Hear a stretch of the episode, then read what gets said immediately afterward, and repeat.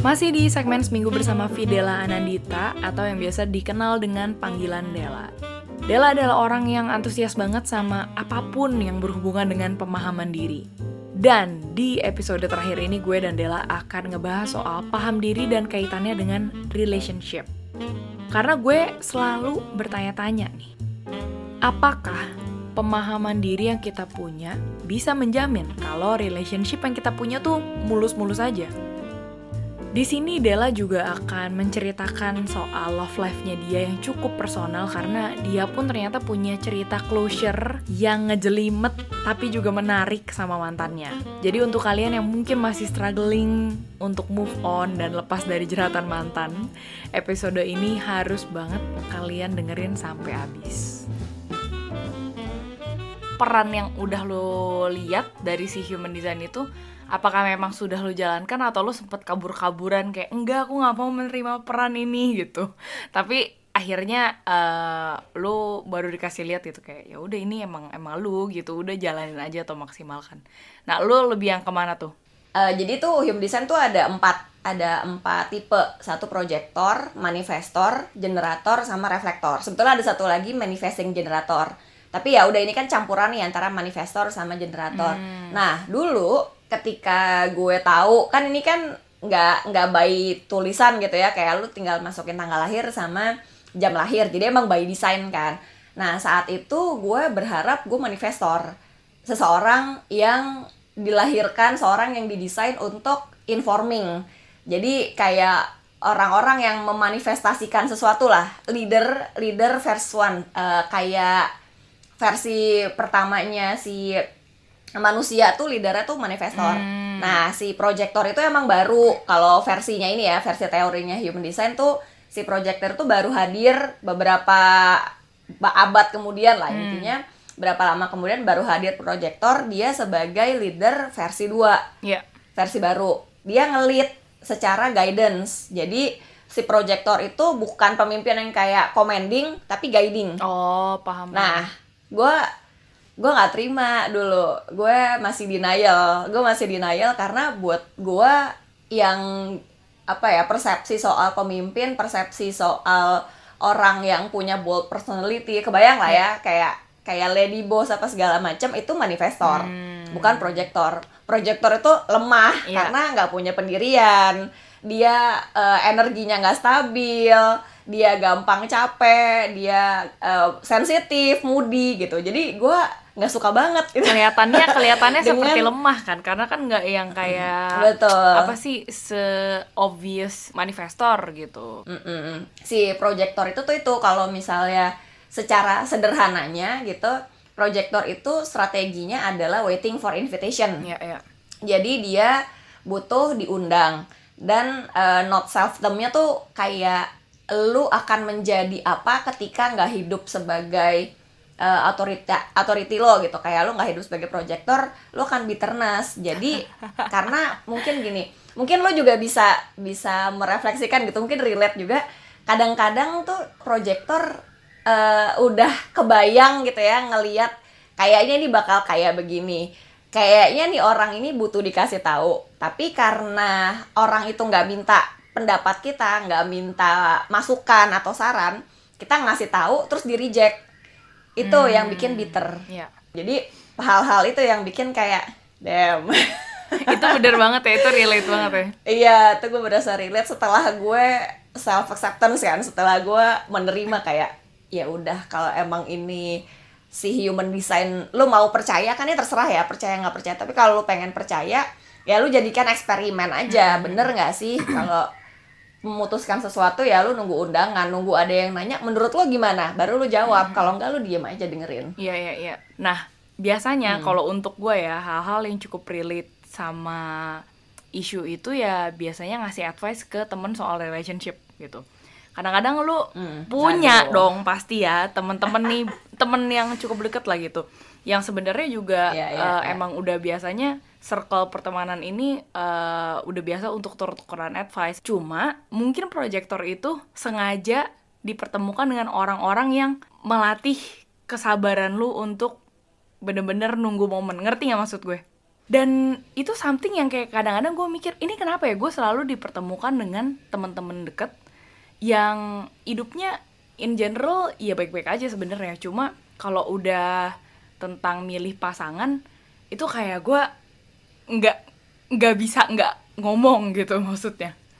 Nah uh, kalau lu nih gue nanya ini dulu deh. Kalau lu ada nggak kayak saat lu kilas balik lu dapet pattern-pattern temen atau siapa gitu yang kayak kok ini kayak melatih kesabaran proyektor gue banget ya? Banyak lah jelas. Kayak in your face gitu. Tapi gue paham karena mungkin blind spot. Hmm. kita tuh kita tuh punya blind spot dan gue jadi antara oh mungkin ini peran gue kali ya untuk ngasih tahu blind spot ketika orang itu butuh tahu kayak nanya gitu ya punggung gue tuh gimana sih? Misalnya oh, iya, iya, okay, itu kan blind spot okay, kita nggak bisa ngeliat iya, punggung iya, bener, kan bener. kayak gini loh punggung lo tapi kita ngelihat selalu nih kita selalu ngeliat punggungnya dia ada yang salah Punggung gitu tuh ada bisul yang pengen banget gue pencet tapi lu berasa kayak bisul lu fine fine aja gitu. Exactly gitu. Jadi kan lu selalu melihat tapi karena orang ini nggak masalah ya mungkin dia ya udah gitu. Tapi ketika dia nanya tolong dong ada apa sih di punggungku? Kok gatel banget kok perih banget? Gitu. nah ketika itu ya akhirnya dikasih tahu kan. Jadi bener ngomongin soal kesabaran tapi eh, salah satu yang gue tanyain waktu proses reading gitu mbak kalau misalnya emang strateginya adalah waiting for invitation, berarti kan ada waktu tunggu mm -hmm. nih. Apa sih yang harus dilakukan saat waktu tunggu? Mm -hmm. Itu tuh ya dibilang make yourself visible gitu. Maksudnya lu harus show yourself juga bahwa lu available, hmm. bahwa lu kompeten, bahwa lu berhak gitu. Jadi hal-hal yang kayak gitu yang bisa kita lakukan karena bukan berarti menunggu menunggu undangan itu lu nggak berusaha menjadi orang yang layak diundang kebayang eh, cakep cakep cakep boleh kita gitu. sablonin nggak itu kata-katanya buat kaos ya itu iya, sih iya, iya. yang yang bikin yang bikin kalau gue makanya kenapa gue seneng tarot kenapa gue seneng mencari pertanyaan yang tepat buat ngebantuin orang gitu ya hmm. coaching lah istilahnya kayak gue seneng sama teknik-teknik coaching walaupun gue belum jadi coach ya tapi hal-hal itu yang bikin lo jadi layak diundang oke okay. misalkan ini uh, contoh aja gitu ya ada seorang temen nah temen gue ini dapet pasangannya lewat Tinder hmm. jadi kan dia nggak kenal sama sekali kan nah ternyata si orang yang di Tinder ini tuh kalau menurut dia tuh altruistik lah orangnya. Suka alias suka ngutangin orang lain. Anjir. yang mana orang yang diutangin itu belum tentu ngebalikin. Kalaupun yeah. ngebalikin kayak entar-entaran. Tapi dia sendiri juga susah. Hmm. karena kayak ya dia ngutangin dengan ngutang ke teman gue. Pinjolception apa gimana nih? Iya pinjolception. Exactly. Jadi jadi gue cuma dengerin kan. Gue dengerin ceritanya dia sementara dia pun punya utang gede banget ratusan juta. Karena bokapnya tuh sempat sakit terus eh, nggak ada asuransi nggak ada BPJS gitu. Jadi dia punya utang ratusan juta. Dia minjemin orang yang baru dia kenal berapa bulan yang lalu untuk orang ini minjemin orang yang lebih susah lagi dengan alasan dia lebih susah daripada gue. Lu kebayang jadi sebagai temen rasanya gimana? Aduh, gemes sih gemes sih Del. Itu kalau nggak tiba-tiba lu blok kayaknya bohong juga. Iya, jadi jadi ya itu maksudnya cara gue membuat diri gue diundang adalah gue bilangnya pelan-pelan, hati-hati. Itu kan sensitif banget ya. Kayak gue bilang sebetulnya kan lu punya utang. Dia ngutang sama lu lu kebayangkan analogi pesawat gitu ya lu pakai masker dulu baru nolongin orang iya, gitu. dan lu ngelakuin ke dia sementara lu bilang dia inget sambil ngingetin dia harus ngingetin ke orang lain. Sebetulnya lu ngomong tapi apa yang lu lakukan itu konsisten gak sih? Kayak gue nggak mau yeah, ngasih yeah, tahu yeah, yeah, cuman yeah. gue cuman kayak ah. Itu pasti pas lu dengerin itu udah kayak ada squishy gitu di tangan lu udah lu gremet gremetin gitu. Iya. Udah ancur itu squishy-nya semua itu gue kayak gemes banget gitu. Itu yang susah ya, banget ya. sih buat gue. Tapi memang itu terlepas kayaknya proyektor atau enggak ya kalau udah menyangkut masalah relationship dan kayaknya mungkin teman-teman cewek kayaknya yang gue lihat ya itu lebih ke trigger sih soal-soal hal-hal itu. Iya benar itu juga uh, jadi keingetan bikin gue keingetan nih um, soal tentang relationship itu sendiri. Gue penasaran aja sih ya kayak apakah betul gitu menurut lu apakah betul dengan lu uh, memahami diri ini? Kan kita ngomongin proses pemahaman diri ya dari entah itu uh, kebantu lewat tools dari tarot kah atau si human design kah atau sebagai sebagai macamnya. Nah apakah betul kalau misalnya lu tuh uh, mempunyai pemahaman diri yang sebegitunya itu akan bikin relationship lu jauh lebih mulus? Gimana ya mungkin ini kali ya gue konteksnya aduh ini gue deg-degan nih ngomong.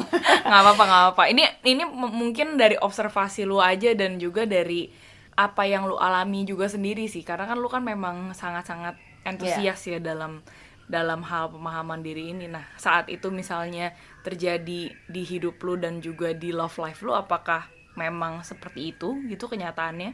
Ya jadi ini yang recently aja yeah. ya. Uh, makin ke sini kan kita seharusnya sih ya idealnya kan kita makin paham diri. Yeah. Nah, yang gue pahami adalah gue nggak boleh bergantung sama orang lain. Mm -hmm. Kan gitu yang gue pahami ya. Tapi si manusia ini yang yang recently I have crush lah intinya kayak masih crush gitu. Kayak gue panik. Kenapa? Karena gue ngerasa kok gue sama orang ini tuh kenalnya juga receh-receh gitu. Tapi kayak kok gue pengen cerita aja kayak kayak terdorong untuk bergantung. Hmm. gue gak rela. Hmm. nah when it comes to paham diri gue jadi mikir lagi apa jangan-jangan ada sesuatu yang gak gue pahami? Apa jangan-jangan gue emang tadi kayak lo bilang gue emang masih butuh orang nih untuk bergantung untuk ngeliatin punggung gue. hmm, hmm, hmm, Se sejago-jago apa pun gue ngeliat punggung orang gue nggak bisa ngeliat punggung gue sendiri bener, gitu bener, loh. bener. nah itu loh. Jadi jadi emang emang tarik ulur. Maksudnya dalam titik ekstrim ada orang yang bergantung sama orang lain 100% gitu ya being dependent itu nggak baik tapi terlalu independen juga nggak baik kan ya. kayak kalau kayak lu berarti ada di relationship buat apaan nih gitu iya kayak kayak sotoy belagu banget lu berasa bisa hidup sendiri iya, iya, gitu iya. tapi yang lately yang gue pahami adalah oh ini tuh namanya bukan dependen, bukan independen, tapi interdependen. Hmm. Jadi kita saling bergantung. Hmm. Jadi kalau kayak cerita, ini cerita dikit kali ya. Hmm. Jadi kayak kalau mantan gue itu tuh entah kenapa gue selalu tertarik sama orang-orang yang passionate sama apa yang dikerjain. Akhirnya itu oh, semua hal okay. dari underlying kaos uh, semua yang gue anggap gebetan yang cuma lima ini, yeah, yeah. termasuk mantan, itu semua semuanya adalah truly passionate about what they're doing. Hmm. Nah, itu satu yang gue pahami. Kedua, mereka selalu ngomongin soal kontribusi mereka. Hmm. Jadi impact. Kayak gimana apa yang mereka lakukan bukan cuma passion tapi uh, mission gitu kalau istilah ikigai gitu ya, kan ini ya. kayak balik lagi nih kayak apa mungkin kita bisa undang gebetan-gebetan iya. lo untuk bergabung di rekaman ini. Aduh aduh aduh jangan. Halo tolong Mereka nggak tahu gue gebet. Jadi itu sih terus yang ketiga yaitu orang-orang yang terlihat paham diri gue nggak tahu mereka emang benar-benar paham diri atau enggak mm -hmm. tapi orang-orang yang terlihat paham diri karena mereka yakin aja gitu gue ngerjain ini karena gue suka dan ada impactnya mm. that's it dan itu uh, paham diri paling cetek yang yang gue pahami jadi gue nggak tahu nih menjawab apa enggak yeah. tapi ya tadi soal interdependensi mm -hmm. itu yang akhirnya insight yang terakhir ketika ini kenapa ya kok gue kayak gue nggak mau bergantung gue nggak mau bergantung. Tapi gue nanya terus sama orang ini tapi gue curhat terus gitu. Jadi itu iya, sih. iya iya iya. Paham diri gue rasa kayaknya setiap orang punya konsep yang berbeda ya soal paham diri itu sendiri. Cuma memang gue rasa penting banget sih untuk untuk kita seenggaknya tahu deh. Yang paling cetek banget paham dirinya kayak lu tahu apa yang lagi lu mau dan lu ngerti nih kayak nanti konsekuensinya bakal jadi apa gitu. Itu kan udah yang paling minimum banget ya betul. gitu. Itu pun banyak yang nggak tahu kan? Nah itu dia. Itu yang ribet tuh. Kayak maksudnya ada beberapa orang yang kayak ya udah gue cobain aja sama dia. Sampai ber sampai hampir belasan tahun gue rasa tapi masih belum dapetin gue mau apa sih sebenarnya dari sini? gitu. Malah makin kompleks gue rasa kalau udah makin lama sama sama hmm. sama hubungan itu ya. By the way kita kan sempat ngomongin soal passion ya. Cuma kalau ngomongin passion itu sendiri di mata gue salah nggak sih kalau misalnya lu tuh bersama dengan orang yang nggak tahu dia tuh maunya apa? Atau balik lagi kita harus membantu dia gitu. Nah kalau misalnya iya kita mau membantu dia uh, untuk ngelihat passionnya itu sampai kapan gitu? Boundariesnya tuh sampai kapan? Tapi kalau misalnya pun langsung diputusin, gue juga mikir berarti apakah apakah itu fair gitu kalau misalnya kita lakukan kalau kita langsung ninggalin dia. Eh gue gue nggak tahu ini menjawab atau enggak tapi intinya adalah hurt people hurt people. Kalau lu lu tersakiti entah oleh apa pun oleh siapa pun punya kecenderungan menyakiti sadar atau nggak sadar. Hmm. terus yang kedua sebetulnya ngomongin soal jadi tuh ada apa sih istilahnya relationship tuh anxiety sama avoidant Oh, si ini attachment teori ya? Iya gitu. Iya kan maksudnya tuh ngomongin attachment kan. Orang-orang anxiety mungkin akan punya kecenderungan deket gitu ya, attract sama orang-orang yang avoidant Hmm. dan sebaliknya. Gitu. Jadi kayak drama itu sesuatu yang familiar buat mereka. Hmm. Jadi jadi kalau lu ngelihat cowok baik-baik atau cewek baik-baik tuh jadi nggak seru karena nggak familiar. Iya. Nah mungkin mungkin kita ngelihatnya itu toxic, tapi buat mereka itu familiarity. Hmm. Dan yang ketiga, tadi kan ngomong hurt people, hurt people. Kedua, ngomongin soal anxiety, avoidance, and how they attract each other because it's familiar for them. Hmm. Yang ketiga ini sebetulnya hero mentality. Gimana semua itu salah gua, gua harus bertanggung jawab untuk fixing others Hmm.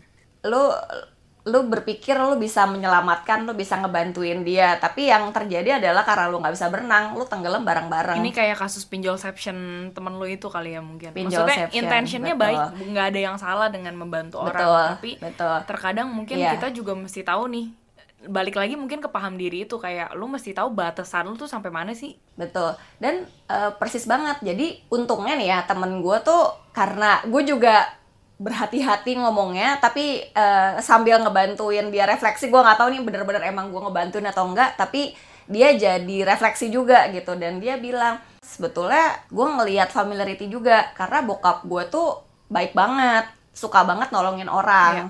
Kayak ngutangin dia lagi susah juga orang ngutang sama dia dia dia apa namanya dia kasih gitu gitu. Jadi dia ngelihat sosok sosok si Tinder ini, sosok si pasangan yang dia dapat dari Tinder ini mirip sama bokapnya yang sekarang udah nggak ada. Iya. Jadi kayak buat dia gue tahu tapi susah banget Del. Gimana ya? Ya nggak apa-apa. At least lu sadar. Iya, akhirnya iya, tuh iya, iya. dia kan akhirnya dia kayak wait apa namanya asking invite me kan. Maksudnya asking for my opinion dan invite me setelah gue berjuang untuk mengunci menahan mulut lu gitu iya gitu. Tapi gue seneng banget ketika dia mengeluarkan statement itu. Gue tahu tapi susah banget. Ya apa at least lu tahu. Ya ya jadi yang kayak sebagai orang yang tahu punggung gitu tuh cuman kalau gue akhirnya gue kembali ke stoicism. Hmm. lu cuman bisa ngontrol apa yang bisa lu kontrol. kontrol. Lu nggak bisa ngontrol apa yang nggak bisa lu kontrol. Nah, dari semua paham diri yang lu sudah jalani gitu ya. Nah, apa yang paling insightful dan juga helpful di lu saat lu uh, menjalani romantic relationship gitu. Kalau misalnya gue pemanasan dulu deh. Kalau gue itu adalah yang baru-baru ini yang tadi kita ngomongin si attachment theory gitu ya. Setelah gue sama pasangan gue udah kita udah jalan 10 tahun lah gitu uh, di dalam hubungan dari pacaran sampai nikah. Tapi itu tuh something yang gue baru sadar kayak gila gue tuh avoidant banget. Makanya kayak gue berasa aneh kayak sama. Tos. Oh my god, gue juga. Touch. tos. Soalnya kayak kayak ya gue nggak usah jelasin lah ya avoidant ke lu seperti apa lu juga pasti ngalamin. Eh, yang tadi kayak lu ceritain Iya, nih kayak iya. gue tahu gue nggak us nggak harusnya dependen sama nih orang tapi kenapa gue mau? Cuma gantian udah mau lu kayak berasa enggak lu mesti independen kayak itu tuh selalu uh, Iya, berulang iya. kali gitu kan patternnya nah kalau lu lu tuh apa nih yang cukup wow gitu membukakan mata Eh, jadi waktu gue memulai hubungan itu sebetulnya berangkat dari eh, denial. Kenapa? Karena sebetulnya itu selingkuh, tapi Hmm. gue memik- mikirnya kayak oh ya ada orang lagi curhat ke gue, terus gue bantuin gitu. Tapi pakai gombal-gombal karena gue mikir ah enggak gombal kan kayak cuman latihan latihan playing with words gitu. Karena kan gue anaknya words of affection banget kan. Oh. Sama physical affection. Jadi dua tuh gue. Nah, jadi tuh dulu eh, si mantan gue dia tuh punya masalah lah yang lumayan kayak emang nih toxic banget. Nah eh, dari situ gue pikir ya udah gue hero mentality gue akan bantuin lo gue jadi temen curhat lo curhat sama gue apa segala macam. Tapi bumbu-bumbu gombal-gombal makin makin meliar nih makin setiap hari. Itu intinya adalah hubungan itu nggak dimulai dengan baik-baik saja nggak dimulai dengan sehat Iya. gitu. Nah pas lagi jadian itu avoidant gue lagi keluar. Iya. karena itu kan pacaran pertama gue kan kuliah itu pacaran pertama. Jadi gue tuh asing banget sama pegangan tangan. Hmm. bilang aku kamu tuh asing banget buat gue. Jadi dia kayak semi persuasi yang bikin iya ya ternyata seru ya pegangan gitu terus pelukan. Itu kan enak karena ternyata gue baru tahu kayak oh ternyata gue anaknya physical affection. Karena di keluarga gue tuh nggak nggak affectionate. Model-model keluarga-keluarga yang yang mendem dan nggak affectionate gitu. Jadi ini hal-hal yang nggak familiar buat gue. Hmm. tapi gu- ternyata ini yang gue butuhin selama ini dari si uh, pasangan gue gitu. Oh, jadi oke. kayak that's inner struggle lah Iya, iya. tapi ya itu gue belajar bahwa it's okay to be vulnerable it's okay to show your affection Mhm. itu gue belajar banget dari mantan gue dan dia adalah orang yang sangat comfortable gitu nyaman banget untuk nangis Oh, untuk uh, apa lihat. namanya manja-manja iya gitu jadi uh, cancer jadi Oh, kan oh, kita oh, kan berat, berat, berat, ya berat, berat. Cancer, ya, baik. Saya langsung paham. Teman-teman saya Iya. cancer semuanya. gitu tapi di situ gue akhirnya belajar gimana embrace feeling. Hmm. yang one sekarang tuh jadi isu kan ngomongin soal mental health. Iya, bener banget. gitu. Jadi di gue bersyukur banget sih gue di gue diperkenalkan sama mantan gue yang yang beda banget sama didikan gue Di sepanjang gitu hidup ya, nih di keluarga gitu ha, di rumah. Terus eh, stepping to the apa ya uncomfort zone yet comfort Hmm. kayak akhirnya gue jadi paham kan tadi si physical affection sama word affirmation nah kita putus nih ceritanya putus tuh karena kayak kayak udah baik-baik aja akhirnya udah mulai ketemu tengah terus malah jadi flat Oh. Nah, karena ini pengalaman pertama gue gitu ya, gue lagi-lagi mungkin sisi avoidant atau apa gitu, gue jadi bertanya kan flat, terus kayak gue jadi minta break, Hmm.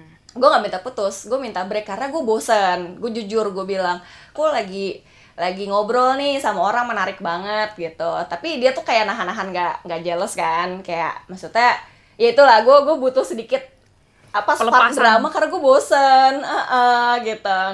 Nah tapi mungkin dia take it to the extreme way, ternyata dia selingkuh, Ya. jadi kayak ya udah gitu kayak iya. Ya udah dia dia ada selingkuh. Pokoknya singkat cerita gue ngegepin selingkuh pas gue minta balikan. Terus dia nggak mau. Ya udah kita putus. Hmm. tapi baik-baik. Hmm. dan yang menarik adalah justru setelah putus itu kayak kita banyak ngeliat kayak oh ternyata kemarin gini ya oh, ternyata kemarin gitu ya. Hmm. tanpa kita sadar kita tuh masih ada di di denial. Kita nggak bener-bener accept itu Hmm. sampai berapa lama. Dan proses-proses itu tuh berjalan sampai 10 tahun Proses apa nih maksudnya? maksudnya kayak ngobrol tapi sebetulnya lu baper tapi lu tetap bergantung. Nah hal-hal yang kayak gitu tuh berjalan sampai 10 tahun.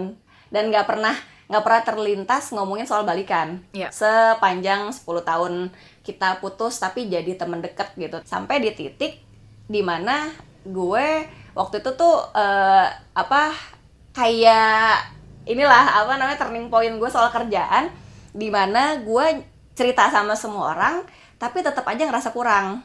Jadi gue pengen cerita sama dia. Itu yang bikin tenang yang bikin kayaknya gue kayak harus ke dia gitu. Iya, iya. Oh ya nggak sih? Kayak dia setiap putus cerita sama gua. Terus kalau dia punya gebetan dia cerita sama gua. Tapi pas lagi pacaran kita nggak ngobrol. Kayak gitu tuh statusnya. Sementara gue jomblo terus. Available Iya, sepanjang iya, iya. tahun gitu kan. Dan apa once gue bener-bener butuh dia tapi kayak dia kayak nggak ngeh gitu kalau gue butuh banget. Kayak gue pengen ngobrol dong gue ke sini tuh nyamperin mau ngobrol sama lu gitu. Hmm. itu eh, tapi nggak sempat ngobrol sampai akhirnya gue mikir oke gue nggak bisa bergantung sama orang ini. Seistimewa istimewanya se butuh butuhnya ya you have to stand with your own feet. Akhirnya gitu tuh. Nah eh, terus berapa waktu ini kayak masih tahun ini kali ya gue ngepost tentang self love karena kayak udah mulai accept diri dan segala macam gitu. I truly love myself lah saat itu. Dan itu resonate juga di postingan gue dan dia attract itu akhirnya kita ngobrol lagi. Hmm. ngobrol banyak dan segala macam intens jadi kayak modelnya tuh kayak lu udah nggak ketemu lama ngobrol juga nyambung aja gitu. Model tuh kayak gitu kan uh, konsep konsepnya terus kayak intens sampai berhari-hari sampai bangun tidur tidur lagi gitu kayak itu ngobrol terus pas lagi bisa kita ngobrol one moment dia tiba-tiba ngilang. Terus gue nyariin. Di satu titik itu gue kayak ya kok gue nyariin lagi? Ini kan kemarin gue udah nggak iya, iya, bergantung. iya. uh, uh, kok kemarin gue udah udah udah self love kok gue jadi kayak nyariin lagi? Ini kenapa? Gitu. Akhirnya gue kayak nggak bisa nih kayaknya emang gue harus closure. Kayak tiba-tiba aja Hmm. dapat dapat kayak nggak bisa ya. nih lu ngomongin eh eh, lu ngomongin self love lu ngomong kayak gitu tapi lu masih kayak gini nggak walk the talk gitu. Akhirnya akhirnya gue confess ke dia bilang kayak ngajak balikan. Gue ngajak balikan dan nanya lu pernah gak sih pengen balikan sama gue gitu. Terus ya dia bilang ya pernah. Cuman kayak tuh dia masih ngerasa bersalah sama gue gitu loh. Kayak nggak kayaknya nggak pantas nih ngajak balikan segala macam kayaknya begitu ini kan asumsi gue terus ya udah gue bilang mau nggak nyoba eh, apa namanya nyoba ngedate lah gitu. Entah tiga bulan kalau nggak mau seminggu atau sehari aja. Kalau emang ternyata nggak works ya udah let's not be friend for another 10 years. Gue bilang Gila, gitu. bagus. Terus eh ternyata dia tuh like dia tuh kayak galau karena satu dia punya crush. Hmm. jadi tuh mungkin dia ngelihat gue sebagai teman refleksi kali ya. Jadi Hmm. kalau dia punya crush tuh dia butuh tahu masukan gue pandangan gue supaya dia bisa ngejalanin relationship-nya dengan lebih baik. Akhirnya dia mutusin gue nggak bisa saat lagi kayak gini saat gue punya crush. Hmm. gitu. Jadi kayak kayak nggak bisa. Oh ya udah. Berarti udah ya. Bye. Udah ini udah tutup Nah. lah. Udah tutup banget. Udah tutup gitu. Wah itu tapi ya lumayan kayak aja 10 tahun. Kenapa nggak dari kemarin-kemarin gitu. Iya, maksudnya dari cerita panjang ini nih yang berapa belas menit ini insight gue adalah kayak closure itu tuh kadang-kadang orang bisa gitu ya bilang ya lu nggak harus ketemu orangnya buat dapat closure atau kayak lu bisa closure ke diri lo gitu tanpa harus bergantung sama orang lain. Tapi emang emang bener once you declare dan ada bener-bener symbolic closure itu baru berasa bener-bener kayak iya gue udah putus even di badan lu That's it. juga gitu lu kayak you can feel it iya Iya, iya. iya kayak ini gue udah putus lu mau sesayang apa pun mau secare apa pun lu udah putus kalau kemarin tuh kan kayak udah putus tapi deket tapi kayak kita masih Hmm. punya satu sama lain kayak lu melanglang buannya balik lagi pulang kampungnya sama gue lu cerita soal mantan lu dan keras lu sama gue gitu Aduh. jadi kayak I'm like an open house kan. Iya, kalau ada dia benar, dia ngetok pulang kapan pun gue gua tanggepin. Sekarang udah enggak titik Hmm. gitu. Jadi itu sih gue kayak oh kayak gini rasanya closure ya. Itu sih eh, apa namanya yang gue pahami dari pertama pacaran yang sangat masih belum mature lah ya masih belum mature itu. Ah, sampai sampai beneran kayak oh this is it. Itu tuh lama banget ternyata. Gila lu Del Tapi akhirnya jadi itu bener-bener mantan yang sangat kompak ya mem- me- Mengajarkan lu atau membantu lu lah Membantu lu untuk lihat iya iya. hal-hal yang ya udah including the closure itself gitu. Kalau misalnya closure itu lu nggak bisa tenggatin pakai deadline sih. Terkadang memang harus Iya. dari kesiapan bukan cuma Betul. dari dua-duanya tapi ya udah salah satu yang bener-bener udah ini udah udah selesai udah beneran kagak ada lagi lu balik pulang kampung ke gua gitu kalau dari case lu ya? Dan itu iya kan itu tuh kayak kadang-kadang lu tahu tapi lu nggak sadar nggak paham nggak realize gitu nggak bikin decision. Nah itu tuh hal-hal yang kayak gitu kayak lu tahu teorinya grief stage gitu five stage of grief lu tahu teori avoidant anxiety apa segala macam tuh kayak nggak mempan. Orang lain mau ngomong time will heal nggak mempan. Sampai saat ke- when it comes it comes. Hmm. Kita kan awalnya udah ngomongin soal macem-macem lah ya berawal dari tarot dan gue juga kenalan sama lu dari sana gitu. Sampai akhirnya ngomongin ke teori yang memang tema lah tema besar yang mau kita bawa itu soal pemahaman diri. Sampai nyambungnya ke relationship ada juga sempet ke pendidikan dan teori peran pokoknya nyampur.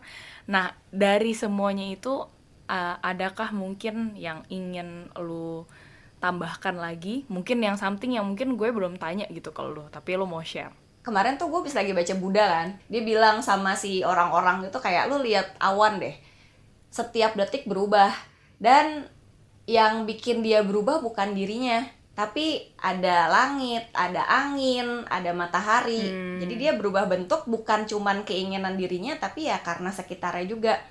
Jadi ngomongin paham diri, mungkin lu sebetulnya paham tuh kayak awan. Lu lu paham tapi lu juga nggak punya kendali sama itu. Karena lu juga affected by others. Dan iya nggak apa-apa. Kayak sekarang paham besok nggak paham. Karena lebih banyak angin yang kencang sampai lu nggak bisa ngendalin diri lo ya udah. Hmm, hmm, hmm. gitu. Kebayang nggak? Mungkin hilangnya ya, sampai 10 tahun juga nggak apa-apa, tapi nanti pasti balik lagi gitu ya Del. gue nggak tahu sih tapi gue nggak mau garansi juga kayak Iya, ya kalau ntar balik kan ya udah tapi kalau enggak ya udah gitu. Mhm. jadi ya itu matter of self acceptance tadi kan nggak ada yang benar-benar permanen nggak ada yang benar-benar temporer ya, kita lihat pada saat waktunya nanti gitu. iya Aduh. awan aja gue kayak oh awan ya Aku bener-bener. awan, ingatkan diriku aku awan gitu. Segmen Seminggu bersama Fidela Anandita udah selesai nih menemani kalian dari hari Senin, Rabu, dan Jumat.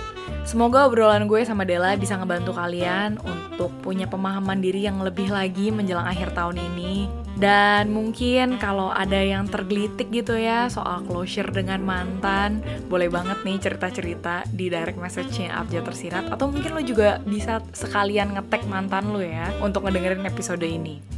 Anyway, kalau misalnya kalian tertarik untuk berbagi cerita atau kasih ide mengenai topik yang mau kalian dengar di segmen Seminggu Bersama, langsung aja ngobrol sama gue melalui direct message di Instagram at abjadtersirat. Nah, kira-kira awal bulan depan kita akan menghabiskan seminggu bersama siapa ya? Stay tune terus dan sampai bertemu di awal bulan depan.